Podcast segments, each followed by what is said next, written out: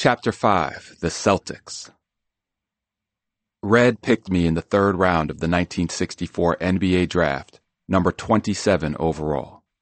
I was home in Washington that summer getting ready for my rookie training camp when I got a phone call from Boston. Walter Brown, the team owner, wanted to discuss my salary. I said I would rather have the discussion in person. There were no agents in those days. Players dealt directly with their teams. I drove up to Boston in the Ford Galaxie my parents gave me and sat down with Mr. Brown.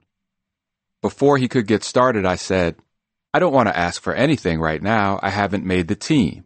Hopefully, after training camp, I'll be on the team and then we can decide on a salary. After he got over his surprise, Mr. Brown asked, Why didn't you just tell me that on the phone and avoid the long drive all the way up here from Washington? I said, I thought I owed it to you to tell you to your face. That made an impression on him, but that's not why I did it. I knew people with money were respected, and I felt the only way to obtain money was to succeed. It had to happen in that order. Once I was successful, I would have the ability and the leverage to be properly compensated. I'll never forget the day during training camp when Red sent the trainer, Buddy LeRoux, up to my hotel room to say that Red wanted to talk to me. That's what Red did when it was time to cut or keep people. I was scared to death. You work your whole life for something and it comes down to that moment. Going downstairs to Red's room was one of the longest walks of my life.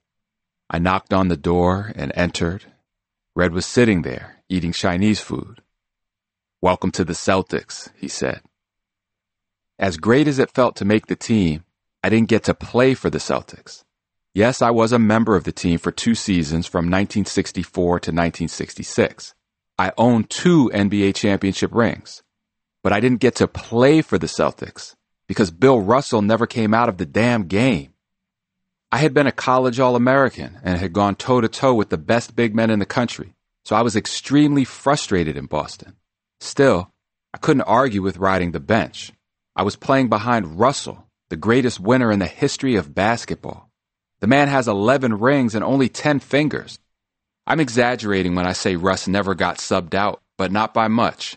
If games were close, he stayed in the whole time. I know exactly how Michael Jordan's backup feels.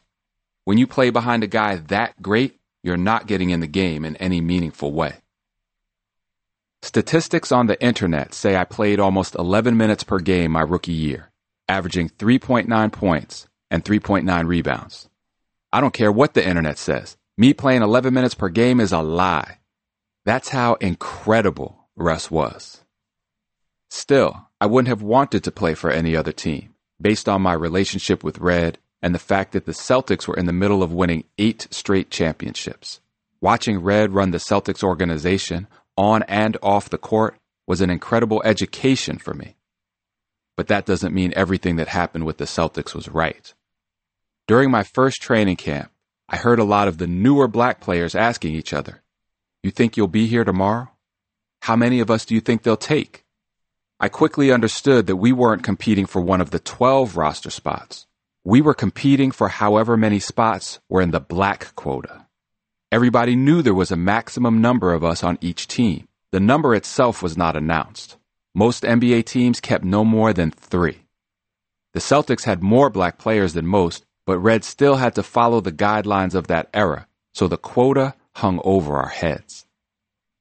My roommate in training camp was a high scoring guard named Levern Tart. This dude could really get it done. He led Bradley University to the NIT title in 1964 and was MVP of the championship game. He was clearly one of the best guards in camp. The Celtics already had the future Hall of Famers John Havlicek, KC Jones, and Sam Jones at the guard spots but Levern tore up a half dozen other guys on a regular basis. He was a lock to make the squad. I was the one fighting for a spot. Each night before we went to bed, Levern and I played this cynical sort of game based on the lyrics to a popular song at the time. I would ask Levern, Will you be here when the morning comes? He'd reply, I'll be here when the morning comes. Will you be here when the morning comes? I would come back with, I'll be here when the morning comes. Then we'd cut off the light and go to sleep. One afternoon, I came back to the room and Levern's stuff was gone. There was a note on the desk. I won't be here when the morning comes. I was truly shocked. Two white guards made the team over Levern. I don't want to say their names because it wasn't their fault, although they are examples of how white people who aren't racist still benefit from the racism of the past. But there's absolutely no way those white guys were better than Levern, and everybody knew it. Levern never played in the NBA. In the first season of the American Basketball Association, he averaged 23.5 points per game, third best in that league. And they said he wasn't good enough to be a sub on the Celtics. Thousands of Levern Tarts got derailed this way before even making it to high school or college teams, let alone the NBA. I've watched plenty of players on the playgrounds, people you never heard of, and said to myself, damn, he's a pro. That's one of the reasons I believe segregation was in some ways better than integration. During segregation, you knew the reason you didn't get an opportunity. After integration, they had to invent reasons to exclude us, which made us question ourselves. When it came to basketball, guys started thinking, what's wrong with me that I can't make it? They question their own ability due to the lies that integration encouraged some white people to tell. I've seen great players literally go crazy because they couldn't reconcile the fact that they never made it to the pros. That's one of the negative effects of integration. I wonder what they told Levern about why he got cut from the Celtics. He died a few years ago, so I'll never know. I can't really blame Red, though. Red ended up keeping six black players, myself included, which I believe was more than any other team. Later in my rookie season, on December 26, 1964, Red put the first all black starting five in NBA history on the floor. Russ, KC, Sam Jones, Tom Satch Sanders, and Willie Naulls. Hooray, right? Not for me. I knew I wasn't getting in the game after that. If Red started five brothers, he couldn't bring in more off the bench. We had a white seven footer on our team, Mel Counts. Mel was a very good player. We were friendly, and I'm the godfather of his son. But Mel played a lot of minutes that I might have gotten under different circumstances. See, Red had to do things strategically. That was the catch 22 of the first black starting five, and it hindered my development, which I knew I needed. Other teams had white starters I had killed in college. Not that every white guy in the NBA was lousy. A lot of them could play their butts off. Havlicek, Bob Cousy, Jerry West, Pete Maravich, Larry Bird, the list goes on. Any black person who said these guys couldn't play was prejudiced. But when I played, white players tried out for 12 spots. We tried out for five or six. We just wanted to be treated fairly, not better, and it was not fair. People envision racism as coming from some tobacco chewing white man with a whip down south. But the North implemented those rules too. A lot of white people didn't think it was right, but they still enforced those rules and benefited from them because otherwise they would have been under scrutiny. Where do you think the term nigger lover comes from? From treating the niggers fairly. When I was in high school and my white teammates played in segregated tournaments, it really bothered me. Over time, I came to understand how much some white people had to lose if they pushed too hard against racism, so I was able to forgive. I loved Red for moving the needle on race and standing up for black players, but he could only push so far. Red could free the slaves, but he couldn't free them all at one time. As much as I hated not playing, Bill Russell had a major impact on my life. He was very nice to me right from the start. Russ was the first person I knew who called himself black. Not colored, not Negro, black. When I was growing up, you only got called black as an insult, and it came from other African Americans who had been brainwashed into thinking darker skin was ugly. Russ was the first person I knew who embraced his blackness years before afros and raised fists and James Brown's Say It Loud, I'm Black and I'm Proud. Russ invested in a rubber plant in Liberia, gave his children African names, and boycotted a 1961 preseason game in Louisville after a coffee shop refused to serve him because he was black. All of this made me feel safe, not in the physical sense, but psychologically. He was a proud black man who took no garbage from anyone, and he demanded respect with his dignity and his intellect. Since black people were often judged collectively, I felt some of the respect given to Russ carry over to me. Nobody was going to discriminate against me with Russ around. I got to know Russ while we drove in the same car to preseason games up in New England, and I had a lot of time to observe him from my seat on the bench. This man loafed through every single practice, and he hardly broke a sweat in the preseason games. If you sprinted past him in practice, he'd pull your shorts down and laugh.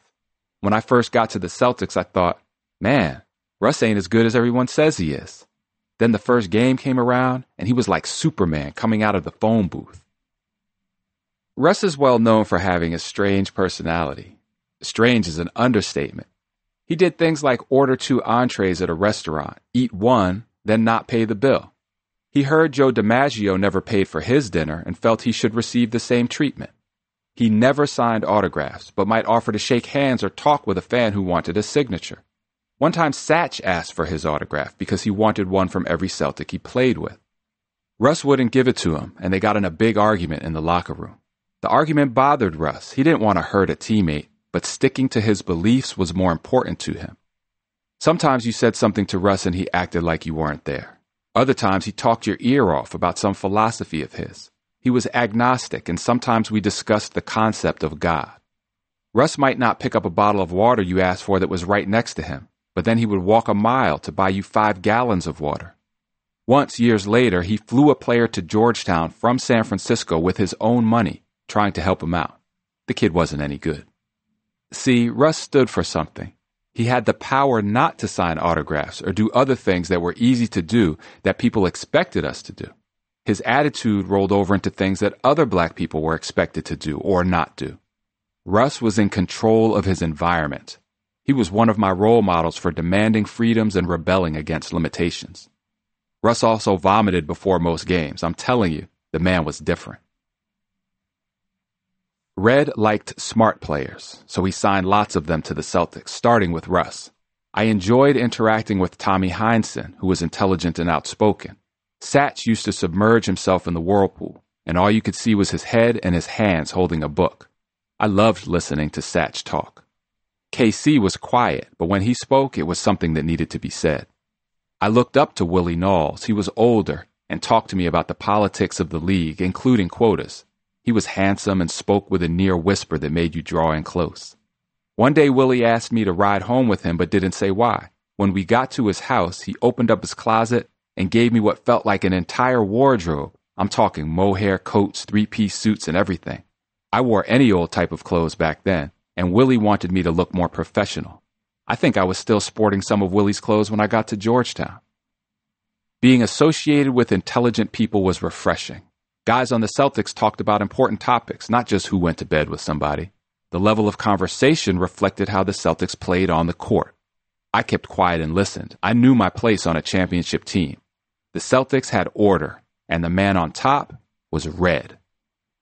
After all those years of interacting with Red in Washington and riding hours in the car with him to Kutsher's, now I had a chance to observe him in his element, running the best basketball team in the world. I studied Red closely, not because I planned to be a coach, I intended to be a teacher. I just found Red interesting, and my father taught me to observe. Also, I hardly played, so it wasn't like I had to figure out the other team's tendencies. I knew Russ had a tendency to block every shot, so I sat on the bench and studied Red. The starting point with Red was simple. He ran the whole show. Red drafted and traded for all the players, scouted opponents, and was in total control of the team. After the owner, Walter Brown, died my rookie year, Red also negotiated our contracts and ran a lot of the other business operations.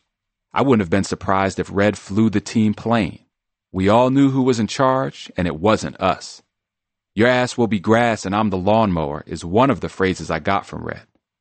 Some people liked to portray him as a dictator, but that's a misleading and shallow interpretation. Red got input from other people. He was too smart not to be a great listener. He was flexible in how he handled different situations. He didn't have a lot of rules. Don't make rules, make decisions, he advised me. When he made a decision, nobody questioned it. Red was not a person you challenged. Part of Red's authority came from his toughness. Push never came to shove with Red because he'd punch your lights out first, and this was a guy who stood five foot ten on a good day. Once we won a game in Philadelphia and their crowd was going berserk as we walked off the court. I was walking behind Red. Some guy came out of the stands onto the court and ran up on Red as we entered the tunnel. Before I could make a move, Red punched him in the face, bam, and knocked the guy down. Red kept walking. I followed behind him with my heart beating through my chest. As much of an authoritarian as Red was, he knew enough to sometimes look the other way. Once we landed in Los Angeles for a game. We weren't using a team bus, and one teammate, I don't want to say who, got picked up by a couple of women in a car.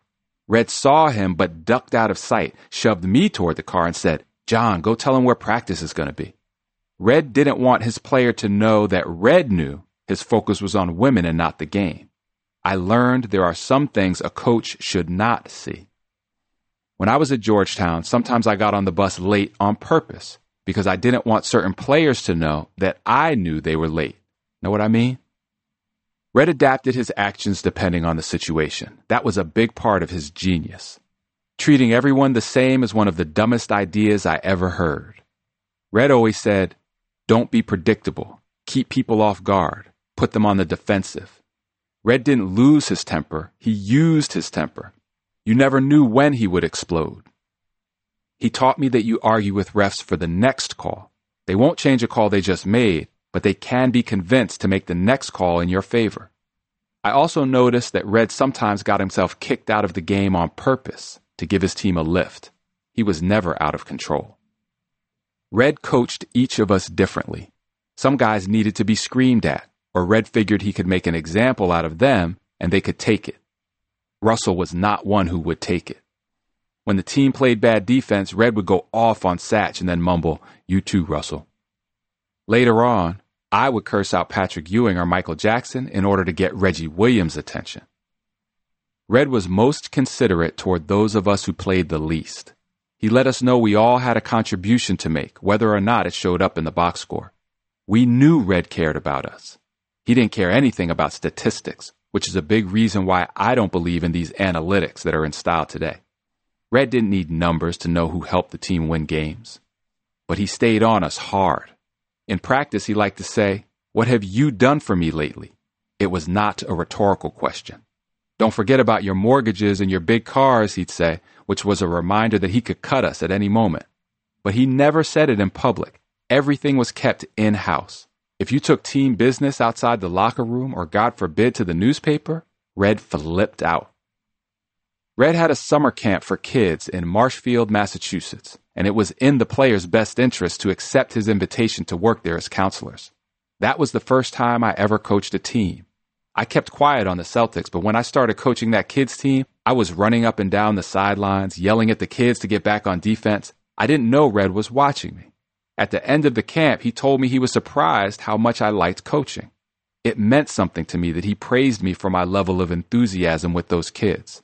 I still had zero intention of being a coach, but it was a glimpse of my future.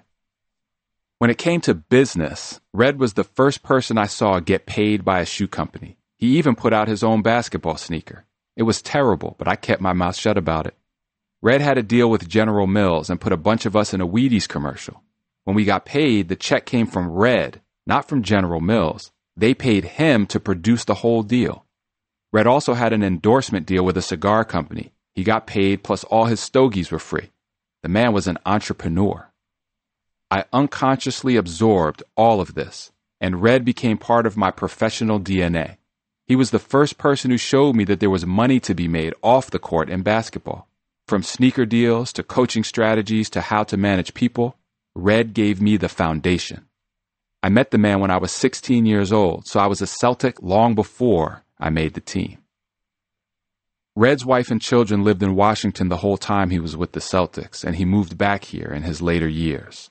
Before he died in 2006, I visited Red every single day in the hospital. Near the end of his life, we were laughing about the time he punched that Philly fan in the face. Red said, You missed the game when I punched two of those jerks. I sat at his bedside the day before he died. In one of his books, Red said, Some people say John is a hostile man. He's a very caring man. He acts the way he does because he does not want people getting too close. He learned that from me and Russell. Be in control, put other people on the defensive. As usual, Red was right. In the playoffs my rookie year, the biggest challenge was Philadelphia and Wilt Chamberlain in the Eastern Division Finals. I had broken Wilt's nose in a game earlier that season, totally by accident. I played with scared hustle, just wild running, trying to make a difference and stay in the game. KC Jones said they needed to put a bell on me. Wilt's nose healed and he was back at full strength in the playoffs. The series went to seven games, and I didn't play one second. Russ only came out for one minute the whole seven games. You can look it up. Game 7 in the Boston Garden became one of the classic moments in NBA history. With four seconds left, Wilt dunked to bring Philly within one point, 110 to 109. Russ made the inbounds pass, but somehow he threw the ball into a guide wire holding up the backboard. The ref called it out of bounds, and the Sixers got the ball under our basket with a chance to win. All they had to do was catch and shoot for a chance to end the Celtic dynasty. Someone called timeout. In the huddle, Russ was mad at himself and said, Oh God, I screwed up. I thought to myself, You're agnostic until you need some divine intervention, huh? Russ guarded Wilt. Philly tried to inbound the ball to Chet Walker, but Havlicek anticipated the pass and deflected it to Sam Jones. The clock ran out, and our fans flooded the court. Johnny Most, the Celtics TV announcer with that distinctive voice, went down in history for his call. Havlicek stole the ball. I was happy we won, even though I didn't play. I liked my teammates, and I was thinking about my share of the playoff money. The Celtics were so dominant when they negotiated your contract, they basically promised you the playoff share you got from winning a championship. As promised, we beat Los Angeles in the finals four games to one. The series was so easy, I actually played in three games. Jerry West averaged 34 points for the Lakers, but they didn't have much else. Now I had played on championship teams in high school, college, and the NBA. I lived with the Furashes my rookie season, which was not an unusual arrangement for young members of the Celtics. They were wonderful people and treated me like a son. In the summer of 1965, Gwen and I got married in Washington, then moved into our own apartment in Boston. The Celtics had the eighth pick in the draft that year, and Red selected Ollie Johnson, a six foot seven forward from the University of San Francisco. Ollie and I were childhood friends. He lived near Benning Road and tore up the city when he played at Spingarn. I used to knock on Ollie's door all the time, or he'd knock on mine, and we'd head over to Henry T. Blow Elementary School to play one on one. Ollie averaged 20 points per game in college and made first team All American. When Red picked Ollie, I got a bad feeling in my stomach. Based on the quota system, I knew one of us had to go. Red couldn't keep more than six black players. Six was a lot to begin with. I liked and respected Ollie. We grew up together, dreaming about playing in college and maybe the NBA. Now that we both had a chance to make it, we weren't competing for one of the 12 spots on the team. It was one of six. Five were for Russell, KC, Satch, Sam Jones, and Willie Naulls. For the last spot, discrimination pitted Ollie and me against each other like gladiators. We battled evenly all throughout training camp. It was an extremely stressful experience. Ollie was my man. I revered Red. I also knew that Red was extremely loyal and that his relationship with me would influence the decision. Unconsciously, I was fighting within myself about how the quota system made me feel and trying to understand the barrier so I could break it down. The barrier stayed up. Red kept me and cut his first round draft pick. Ollie never played in the NBA. In my second season, I played even less than before and didn't even suit up for some games. Red had publicly announced it would be his last year as coach, so the team was extra motivated to send him out on top. We beat Philadelphia 4 to 1 in the Eastern Division Finals, then faced Los Angeles again in the championship. This time, the Lakers had more than Jerry West. They had the rabbit. Elgin Baylor spent his whole career with the Lakers, but he had been injured in the 1965 NBA Finals and didn't play. He was back in 1966.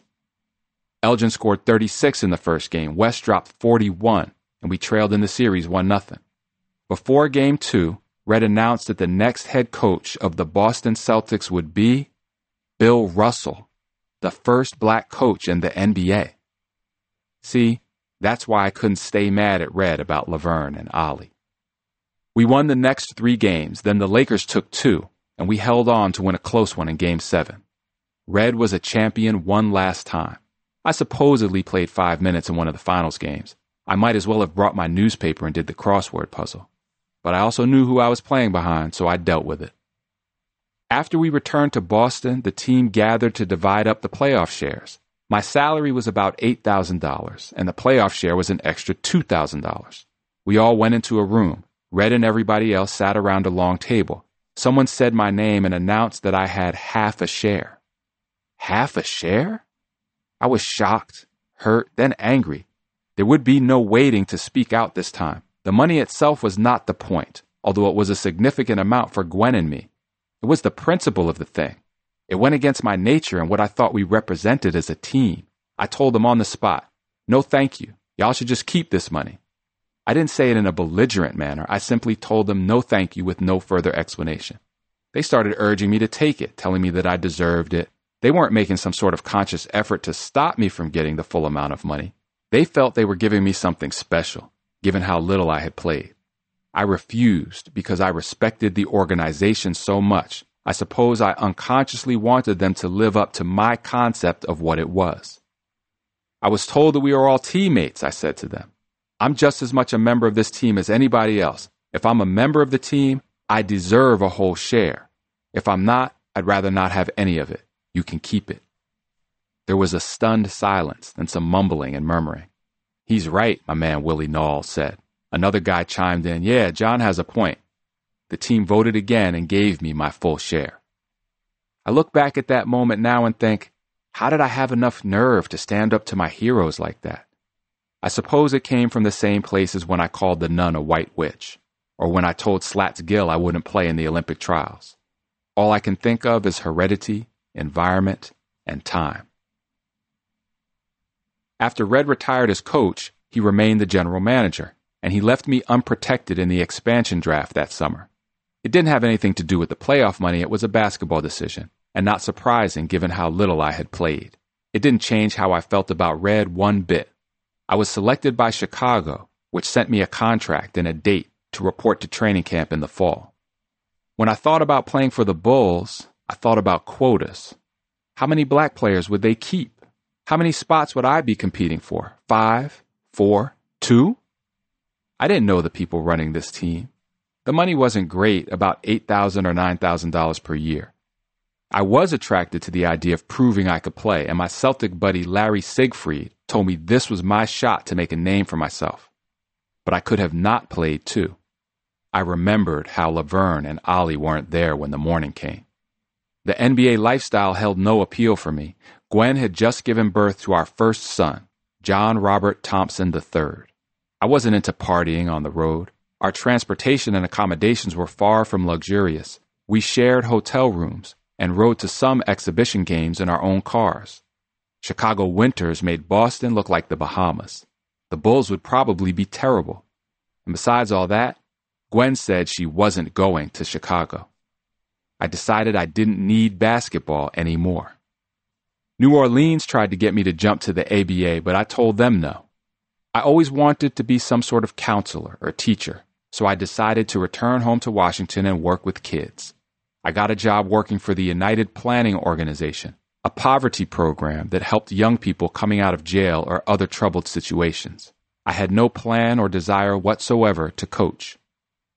Basketball had given me a degree from a great university that I never could have attended otherwise. It introduced me to new situations and new people. It taught me about the white man. But as far as I was concerned, in the summer of 1966, I was done with basketball. It was time to begin the rest of my life. Chapter 6 The Game Behind the Game. I went to Providence to get a degree. I went to Dr. Anita Hughes to get an education. Soon after I returned to Washington, I heard about a master's degree program in education at Federal City College, which is now the University of the District of Columbia, and asked a friend how to get in. He said, there's a lady named Dr. Hughes who runs it, but it's too late for this year. Enrollment is closed. I decided to go to an informational meeting anyway and ask my friend what this Dr. Hughes looked like. When you see her, you will know, he said. I went to the meeting, and as soon as I saw her, I knew. She was a black lady who carried herself in a very proud way, the type of person who, if you saw her walking down the hallway, you'd move aside. You could feel the strength coming out of her. I approached her and asked about applying, but she said registration had been completed and the program was closed. Then she looked at me with a piercing gaze. Dr. Hughes had strong eyes.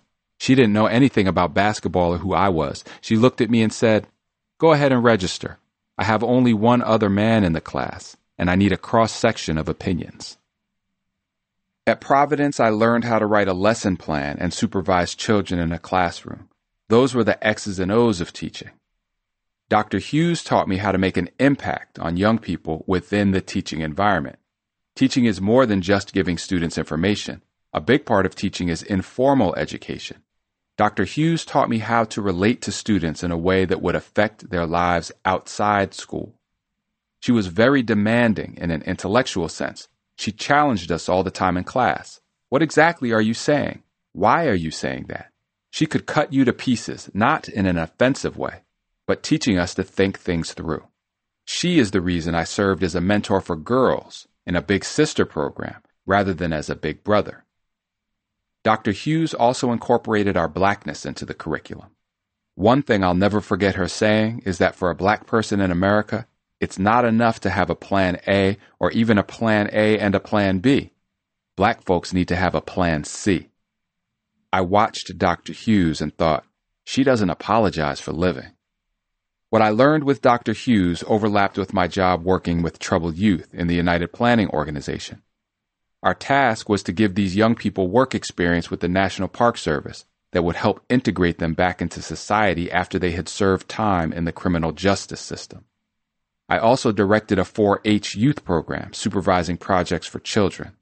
With 4 H, we did arts and crafts, built things, camped outside in parks. I can still remember a song we used to sing. I live e in a teeny weeny housey. I live e on the 31st floor. Ruffles on the petticoat, 10 cents more. When people would later call me the big bad bully John Thompson, I wish they could have seen me holding hands in the woods singing Girl Scout songs. On the flip side of that, Dr. Hughes also assigned me to do my practicum in the DC jail. She made sure we were exposed to a wide range of life experiences. I didn't like sleeping outside or coming home with my clothes all smoky from a campfire, but I tremendously enjoyed working with young people. Growing up, I never used any profanity. My mother would not have tolerated any curse words whatsoever. Like a lot of black people, I grew up switching my style of speech depending on my environment, but profanity was not part of my street language. In college and with the Celtics, I cursed very seldom, if at all. That changed when I started working with kids coming out of jail. Cussing was the only way to reach some of them. Some of these youngsters had been in shootouts with police or other violent situations. One kid in our program later became a hitman. You couldn't be like, Pardon me, would you please refrain from sitting on that desk? That ain't gonna work. Motherfucker, get off that desk. I didn't speak that way to every kid. I knew better than to fall into the stereotype that every poor black child is a hoodlum. But for some of them, cussing was a way to connect. They didn't take it in an abusive way. It was just the form of language they understood best. And they knew I cared about them, which was something else I learned from Dr. Hughes. That was when I began cursing. Now it's habitual, part of my personality. Some of my friends say, motherfucker is my favorite word. I don't use profanity in places where it would be inappropriate, but I enjoy using it elsewhere. I know I'm wrong. That's what I tell the Blessed Mother when I ask for forgiveness. One reason I liked working in the youth program is because I had freedom.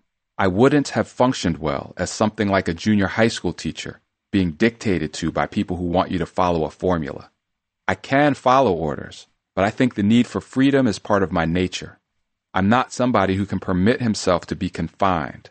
I had that freedom working for the youth program, and eventually I supervised about 30 people. I was quite content in my job when the pastor at St. Anthony's High School asked if I would be interested in coaching the basketball team. It was the only co ed Catholic high school in the city with a very low enrollment and never won many games. The school wasn't trying to build a championship team. It was more like somebody was needed to supervise an after school gym class.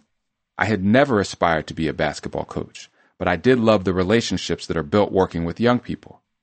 I suppose that came from my mother being an educator, from being around people like Mr. Trigg, who coached me in junior high school, from being around Mr. Jabbo and the others at Boys Club number two. I was intrigued by the offer and went to the school building in Northeast Washington to investigate. When they lined up the boys on the team, most of them were white, I thought to myself, there isn't a kid here taller than six feet. But I also knew I could get players. You can barely walk 10 blocks in this city without stumbling over a kid with talent. I decided to take the position and keep working full time in the youth program. I would coach St. Anthony's after my job ended each day. We finished my first season 12 and 12. Even before it ended, I was circulating through the playgrounds and boys' clubs looking for new talent. I had always hung out in those places since long before I started coaching because I enjoyed the environment and being around the game. I grew up on those basketball courts and they felt like home. I didn't think of finding players there as recruiting. I was just living life. My second season, we went 28 and 3 and never looked back. The way I found Donald Washington was typical.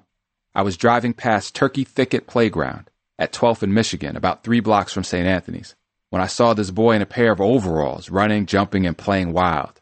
He was awkward, but quick and athletic. I swung around the block and parked to watch some more. He wasn't scoring a lot, but I watched what he did off the ball, like Red taught me, and saw that he played with a lot of effort. I walked over and introduced myself. Donald was in the eighth grade, about six foot four, with hands bigger than mine. I asked if his mom was home, and he said she got off work a little later. Come on, let's go wait for her. I'll drive you home. We sat there outside Donald's house until his mother came home. That's how I got one of the best high school players in the country. Aside from the playgrounds, I knew so many people in Washington and so many people knew me, there was a natural flow of players in my direction. Once we had some success, it just snowballed. Guys like Michael Bennett, Tom Walters, Charles Barrett, Alan Baker, Paul Wagner, John Butler, and Ronald Plummer, almost all of them went on to play in college, not to be pros, but to get an education. Then there were the players who had followed me from St. Anthony's to Georgetown Aaron Long, Greg Brooks, Jonathan Smith, and Merlin Wilson. I played a full court man to man pressure defense because that's what I learned on the Celtics. One day at practice, a young white kid who had just graduated from college and was volunteering to help coach said, Have you ever thought about using a zone press? I asked him to show me how it worked. It went on to be one of my trademarks at Georgetown. Another trademark was the towel. My mother used to wear a towel hanging over one shoulder when she worked in the kitchen. She'd use it to wipe her hands or dry a dish. When I started coaching at St. Anthony's, I draped a white towel over my shoulder during games as a tribute to her. She and my father didn't come to hardly any of the games, but I felt them with me when I wore that towel. The late 60s was a socially volatile time, and some white people felt threatened by what was happening. Martin Luther King was demanding rights with nonviolent action. The Black Panthers were carrying guns. The world was changing, and some people were frightened by those changes. For example, one of my St. Anthony's teams was in the middle of a winning streak and liked to get fired up before games by counting out our wins in Spanish. I thought it could help them with their grades in Spanish class, too. In the locker room, we counted the number of games we had won, then counted one more for the game we were about to play. The players came onto the floor counting and yelling Ocho or whatever the number was. But after we played Georgetown Prep, I was told that the other team thought we were yelling racial insults like kill those white boys or something. How does that happen except from fear?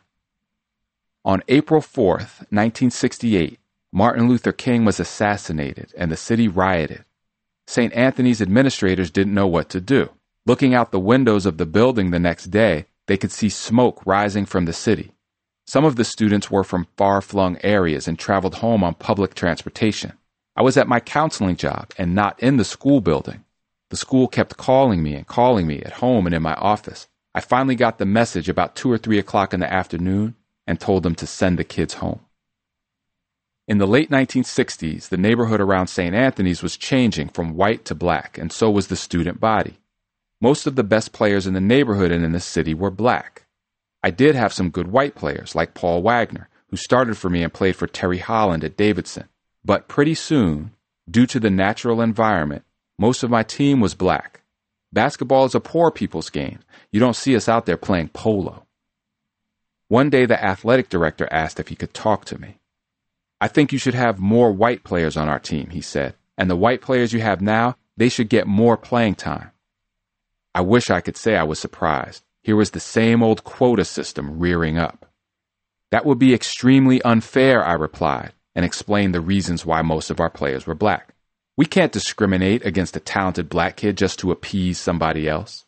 I reminded him that I had attended a Catholic high school and a Catholic university and then said, The priests taught me that the end should never justify the means. What he said next did shock me, and I'll never forget it. Who's trying to justify? It still angers me to think about it. Not only did this man have the audacity to say that inferior white players should get moved ahead of deserving black kids, he didn't even try to camouflage it. He was blatant and open with his discrimination. I thought to myself, I would be furious if my own child lost an opportunity because of him. I also was angry that we as black people had accepted it for so long. Nobody said anything when St. Anthony's had a white team in a city that was 70% black. Now that a meritocracy had arrived, this man wanted to use his power and position to keep white people on top. But this time I had some power of my own. I told the athletic director not in a mean way, that under no circumstances would I discriminate against deserving black kids. That was the last I heard of it. Situations like this started to give the school administrators, all of whom were white, an idea of what sort of person I was. Another important moment came when one of my players hadn't done some homework on a game day. The teacher kept him after school to finish his work. When it was time for the game, the kid wasn't in the locker room. I went to find him to see what was going on. The teacher in that class was Mary Fenlon, who would become one of the most important members of my staff at Georgetown. She had grown up in Washington and got her high school diploma at St. Anthony's. She became a nun, then left the convent and came back to St. Anthony's to teach English and Latin. She had four or five of my players in her homeroom early on. I observed that she was an excellent teacher, firm but caring, and knew how to hold young people accountable she wasn't intimidated by the influx of black people into the neighborhood and the school. She was comfortable with us and not in a patronizing or pandering way. She dealt with us like people, which is all you can ask for. The day we started working together, I told Fenlon that if my player's homework wasn't done, he couldn't play in the game. We've been on the same page ever since. I continued studying for my master's degree while working for the city and coaching my team. When I was about to graduate, Dr. Hughes asked me, What are you going to do with your degree? How do you plan to utilize your education? I was a few years into coaching, and that's when I decided to use basketball as an instrument of education. I thought I could intermingle counseling with my coaching. I wanted to help kids win in life beyond the basketball court. Some people talk about basketball strategies as if they're coaching the chalk as if all you need to do to be a good coach is chalk up the right play on the blackboard. This ignores the implementation of the strategy, how you present it to the players, how you get them to believe in it and work at it. You can chalk up all the X's and O's you want, but those scribbles don't set screens or grab rebounds. People do. Try coaching a person whose mind is heavy because of a problem with his girlfriend or his mother, or the death of a parent. You can't chalk up a play for those situations. Providence taught me the X's and O's, which was essential, but none of it would have mattered without Dr. Hughes teaching me how to deal with young people. That's why I say a lot of my coaching ability came from people who were not coaches. Gwen and I had two additions to our household while I coached at St. Anthony's. Our second son, Ronnie, was born in 1969, and then we adopted Donald Washington, the player I'd found at the Turkey Thicket playground. Donald's mother had died, and his father had serious legal problems, so we legally adopted him. Gwen had the same passion for teaching and helping young people as I did, and she graduated from the District of Columbia Teachers College, which had been called Miner Teachers College when my mother went there. Gwen is a born educator, one of the best teachers I ever knew, and she spent a lot of time helping Donald and my other players with their schoolwork. A lot of kids on the team were in and out of our house all the time so it was not a huge stretch when we became Donald's legal guardians. Donald developed into one of the top recruits in the country. My life changed when Dean Smith, the coach of the University of North Carolina, came to our house to recruit him. He showed up in what I would learn was typical Dean Smith fashion jacket and tie, hair perfect, polished manners. I wasn't overly impressed. I felt like he had an aristocratic air. I was probably thinking, who is this white boy from down south coming in here? But Gwen was smart enough to observe that Dean knew a lot of details about the classes Donald would take. After Dean left, Gwen said, This coach knows the professors by name. Donald chose North Carolina.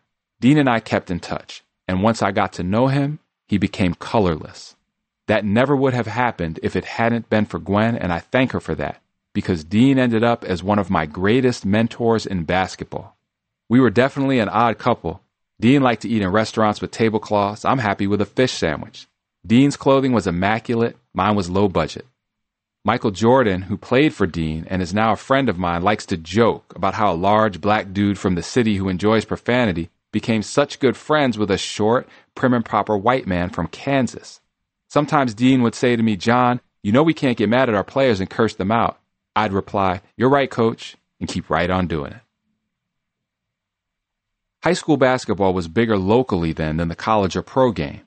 The king of the city was Morgan Wootten, the coach at DeMatha, a Catholic school in nearby Hyattsville, Maryland. Morgan, who was white, started coaching at DeMatha when I was still playing high school ball at Archbishop Carroll. We never lost to DeMatha. In fact, we gave them a bunch of good whippings. Right after I graduated, my coach, Bob Dwyer, had a falling out with the administration, and he started sending players out to Morgan. The first guy he sent, John Austin, is one of the best to ever come out of Washington. Austin led DeMatha to its first championship. That was when Morgan's dominance began, when he started getting black players from the city. Morgan was a very good coach, smart, well organized, and strategic. He quickly built DeMatha into a national powerhouse. In 1965, his team beat Power Memorial with Lou Alcindor before he changed his name to Kareem Abdul Jabbar and ended their 71 game winning streak.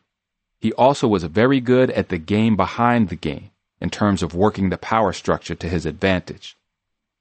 Here's what I mean by that. I had a good friend, Harold Dean, who coached at Cardozo in the public school league.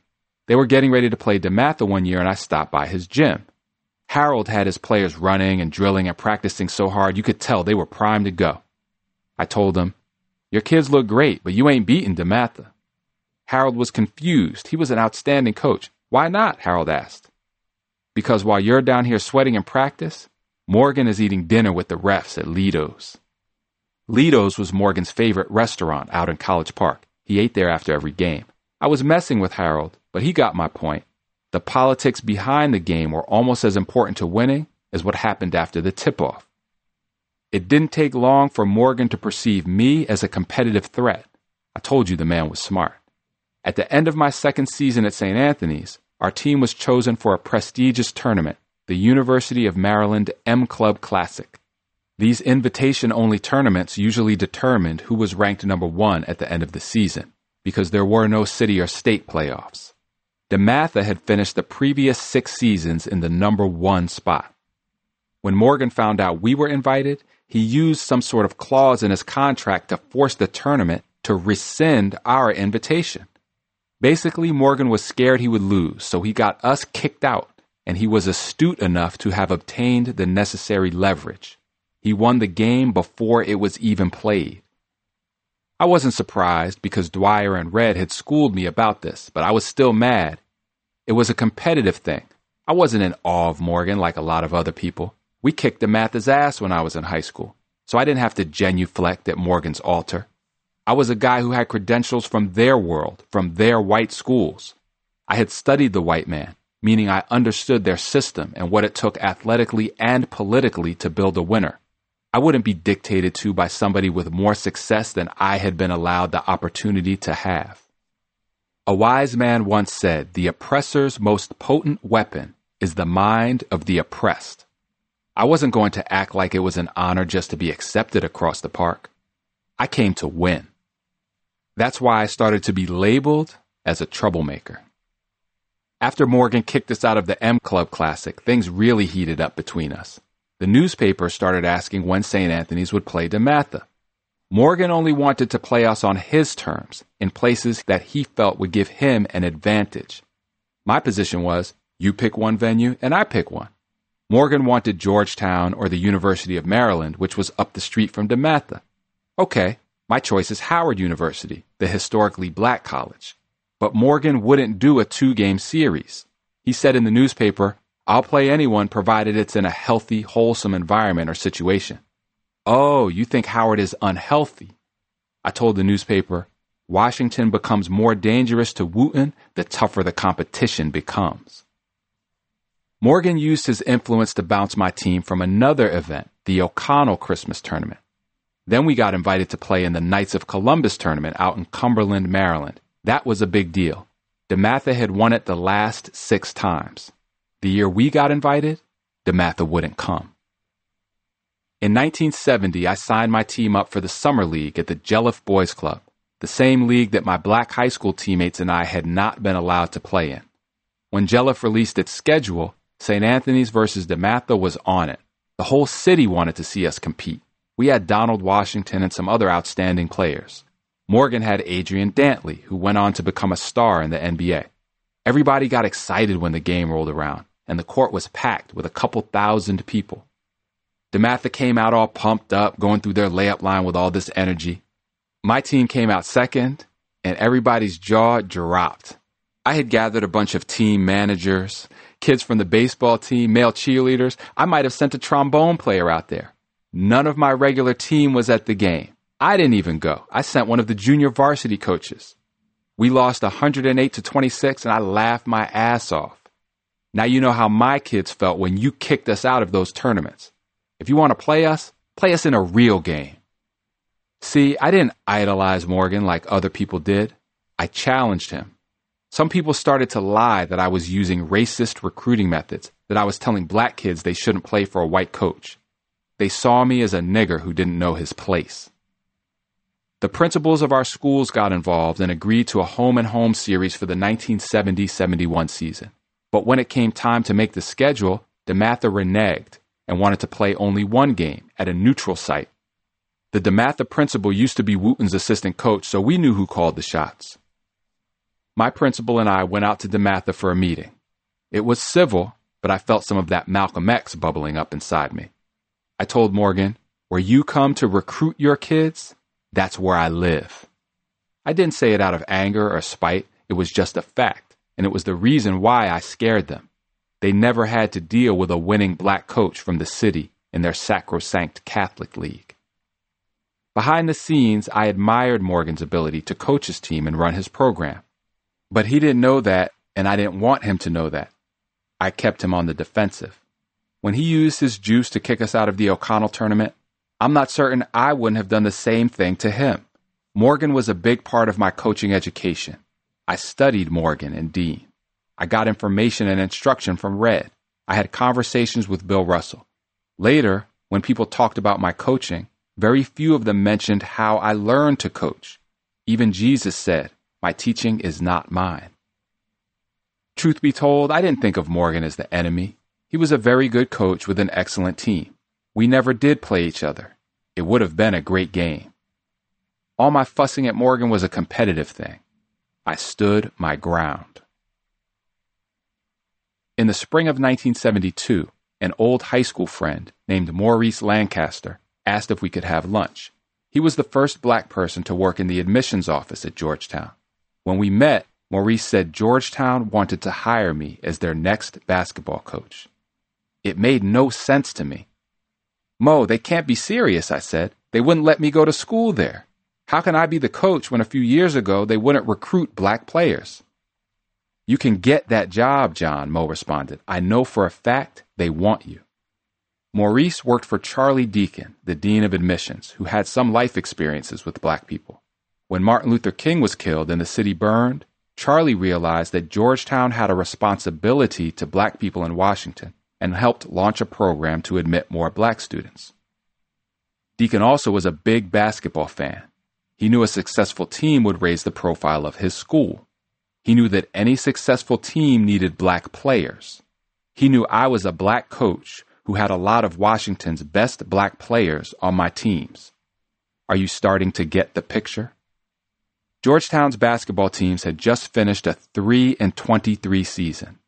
Deacon told the university president, Father Robert Henle, that I should be the next coach. Henle instructed Deacon to form a search committee, which was a smokescreen, and made Deacon the chair. If you can get John Thompson into the final three candidates, Henle said, I'll hire him. That's how I got the job. It was given to me before I even knew about it. Over the 12 years since I had graduated from high school, Georgetown went from not recruiting me because I was black to hiring me because I was black. They wanted me to be a bridge across the park. I give the university a lot of credit for recognizing it had to make a change and get some black people up in here. Georgetown wasn't looking for history professors, though. As progressive as Georgetown was, they still placed black people in a certain category, consciously or not. Here's another thing. Even though I was very well qualified for the job, my coaching ability was not the main reason I was selected. My ability was secondary to my skin color. These white folks were trying to do the right thing, but I still wasn't judged on the content of my character. But all that was unknown to me when Deacon came over to our house one night to make his pitch. We talked for three or four hours, and he basically said the job was mine if I wanted it. I was extremely dubious, but at the same time, I knew I could be successful if Georgetown let me do my thing. I knew that I could get players, and I knew I could win. The opportunity to use basketball as an instrument of higher education was very attractive. The big question was whether Georgetown was serious about basketball and could accept a black man in charge. That was what I needed to find out. I told Deacon I wouldn't give him a resume, but I'd meet with the search committee.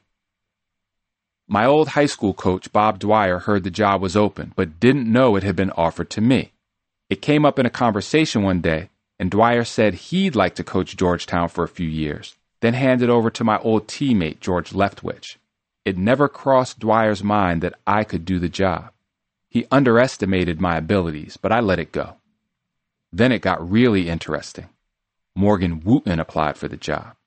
About 50 other people did too, including George Raveling, who was a black assistant at the University of Maryland, and the future NBA coach Jack Ramsay. But Morgan was the big story because of how successful he was and the friction between us. My interview process was a charade. The search committee consisted of two alumni, two former Georgetown athletes, including one basketball player, two faculty members, and Deacon. I thought my interview went poorly. I was nervous and didn't express myself well, but everybody told me I was great. The committee voted four to three to make me the top choice. Morgan and Raveling were the other finalists. Morgan was getting information from someone on the committee, and according to Deacon, once Morgan heard I was the top choice, he tried to act as though he never applied. I don't think the guidelines of the Georgetown basketball program are right for me at this time, is what he told reporters. Same old Morgan. Our teams may have never played, but in the end, I won. When I went to speak with Father Henle, I asked what his expectations were for the team. He told me, I'd like to periodically make the NIT and go to the NCAA tournament once in a while. I think we can do that, I replied with a straight face. Inside, I was laughing. That's all y'all want? When you're 3 and 23, periodically going to the NIT looks like the promised land. My goals were much higher than that. I didn't want to be equal to the white man. I wanted to kick his ass. Next, I had to negotiate a contract. My main objective was to obtain all the tools needed to win. I knew I needed a good athletic director. Frank Rienzo was the interim AD, and when we talked, I thought he would do a great job. I asked Georgetown to make him permanent. Then I needed to create a position that, to my knowledge, did not exist in college basketball at that time academic coordinator. Plenty of schools had tutors, but I needed someone to work exclusively with the basketball team. I was convinced that players would not reveal what they did not know to someone they did not know. I asked Mary Fenlon to take the job, and she agreed. She helped me figure out everything that needed to be in the contract for players to succeed academically. The players needed to be housed on campus in regular dorms. That was important for their informal education. They needed guaranteed entry into the classes of their choice because their selections were limited by practices and games. They needed flexible meal options because they might not be able to eat when everyone else did. I said that McDonough Gymnasium needed more lights so we could televise our games. After I got the things I felt were needed to be successful, the dollar figure on my first contract didn't mean anything to me, just like when I started with the Celtics. I took whatever Georgetown offered. Once I won, the money would follow. One of my friends told me Georgetown has no idea who they're getting. That was true, but I respect the hell out of Georgetown because once they did realize who I was, they never asked me to change. They never tried to stop me from being black. That's not to say I wouldn't encounter racism within the school. Georgetown was progressive enough to hire me, but at the same time, Georgetown still had a lot of racism within itself. I'm talking about the way some people there thought, what kind of behaviors were tolerated or encouraged, the way opportunities were given or denied. This is a school founded in 1789 with slave labor, whose leaders didn't think to bring in black students until Washington went up in flames beneath their feet. None of that disappears just because you brought in some niggers to throw a ball through a hoop. I will always love Georgetown, but I won't let them off the hook either.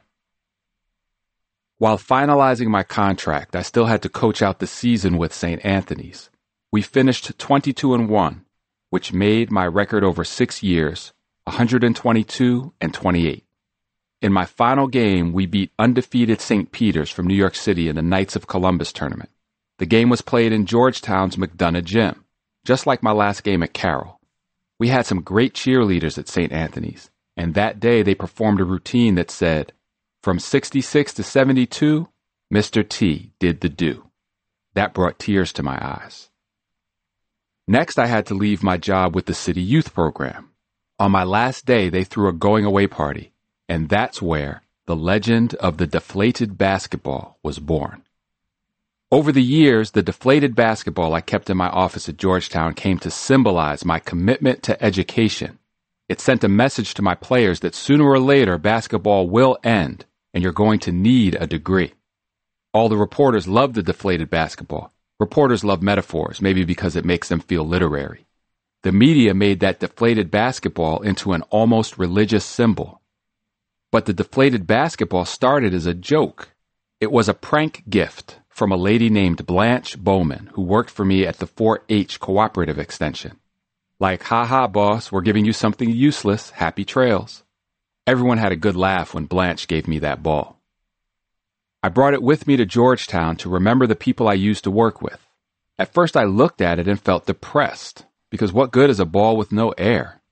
Growing up, we didn't have a lot of equipment on the playground, and if the ball went flat or the guy with the ball had to leave, it would stop the run. The deflated ball in my office was a real downer. Then I started thinking about the thousands and thousands of kids across the country chasing the basketball, focused on the basketball, treating the basketball like the most important thing in the world. This leather object seemed to represent the sum total of their life experiences. But once the air came out of the ball, it felt like the player had no value. I thought, you never want the sum total of your value to be the eight or nine pounds of air inside a basketball. That all started with a joke gift from Blanche Bowman. On March 13, 1972, Georgetown held a press conference to announce my hiring. I was 30 years old.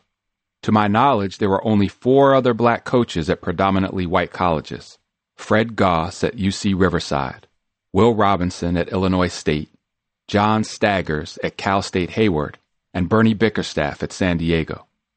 As I stood on the podium next to Father Henle, one of the first questions the reporters asked was whether I planned to bring more black athletes to Georgetown. I had barely got the keys to my office and somebody was already talking about race.